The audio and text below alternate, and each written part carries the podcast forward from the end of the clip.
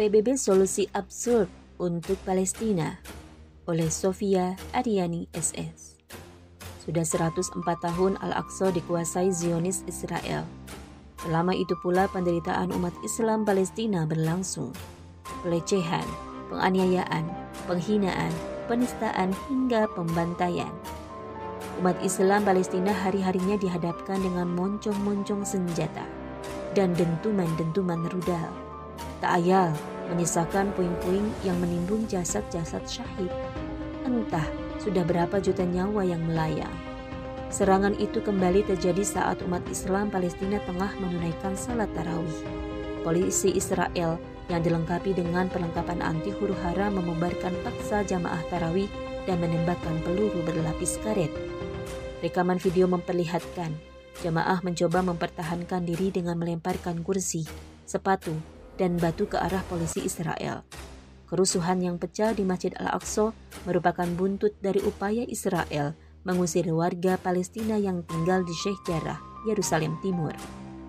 Sedikitnya 200 warga Palestina dilaporkan terluka akibat aksi kekerasan yang dilakukan polisi Israel di Masjid Al-Aqsa pada malam itu. Kebiadaban tentara Zionis Israel sontak membuat dunia geram dan mengutuk tindakan brutal tersebut.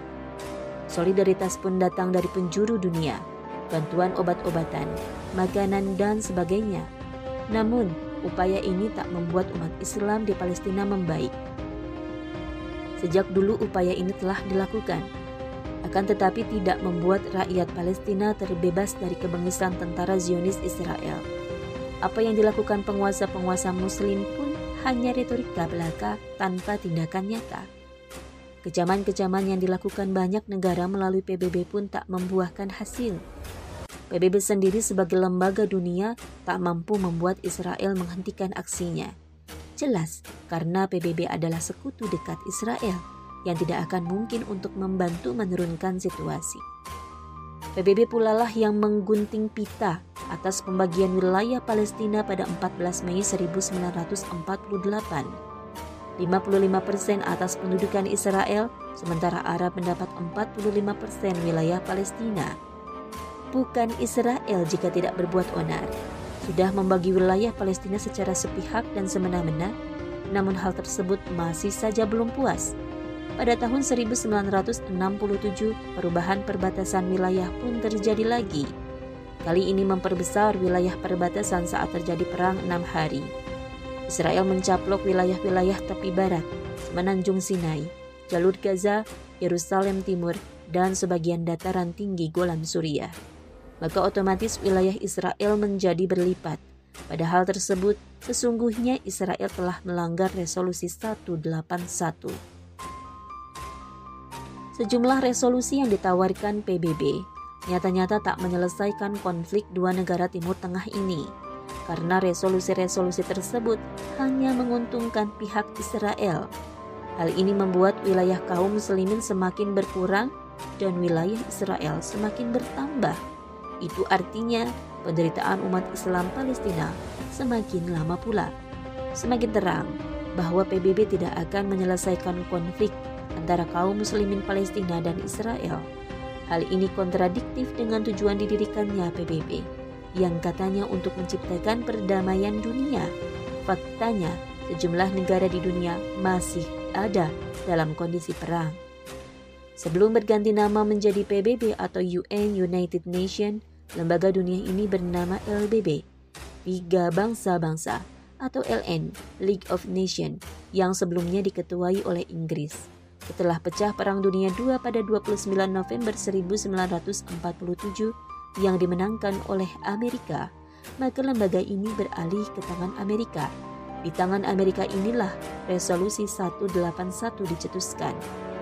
Apa yang diserukan oleh negara-negara dunia melalui PBB tidak akan berdampak apa pun bagi rakyat Palestina. Adapun solusi untuk menghentikan konflik berkepanjangan ini yakni dengan membongkar perjanjian Sykes-Picot pada tahun 1917 dan meleburkan kembali negeri-negeri muslim di bawah kepemimpinan yang satu, Daulah Khilafah Islamiyah. Dengan bersatunya negeri-negeri muslim, maka bersatu pula kekuatan kaum muslimin.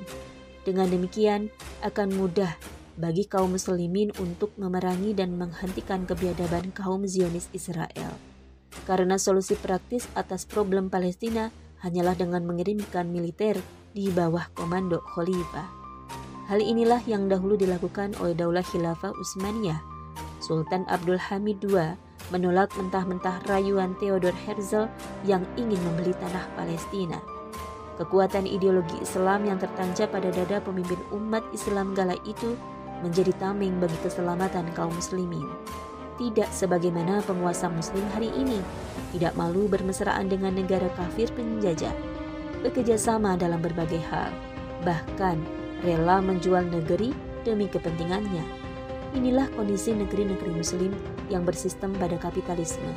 Tak ada lagi izah bagi umat Islam adalah urgen bagi umat Islam untuk kembali pada sistem Islam di bawah institusi Daulah Khilafah Islamiyah. Dengan satu kepemimpinan di bawah komando khalifah, kekuatan umat Islam akan bersatu menjadi negara yang disegani.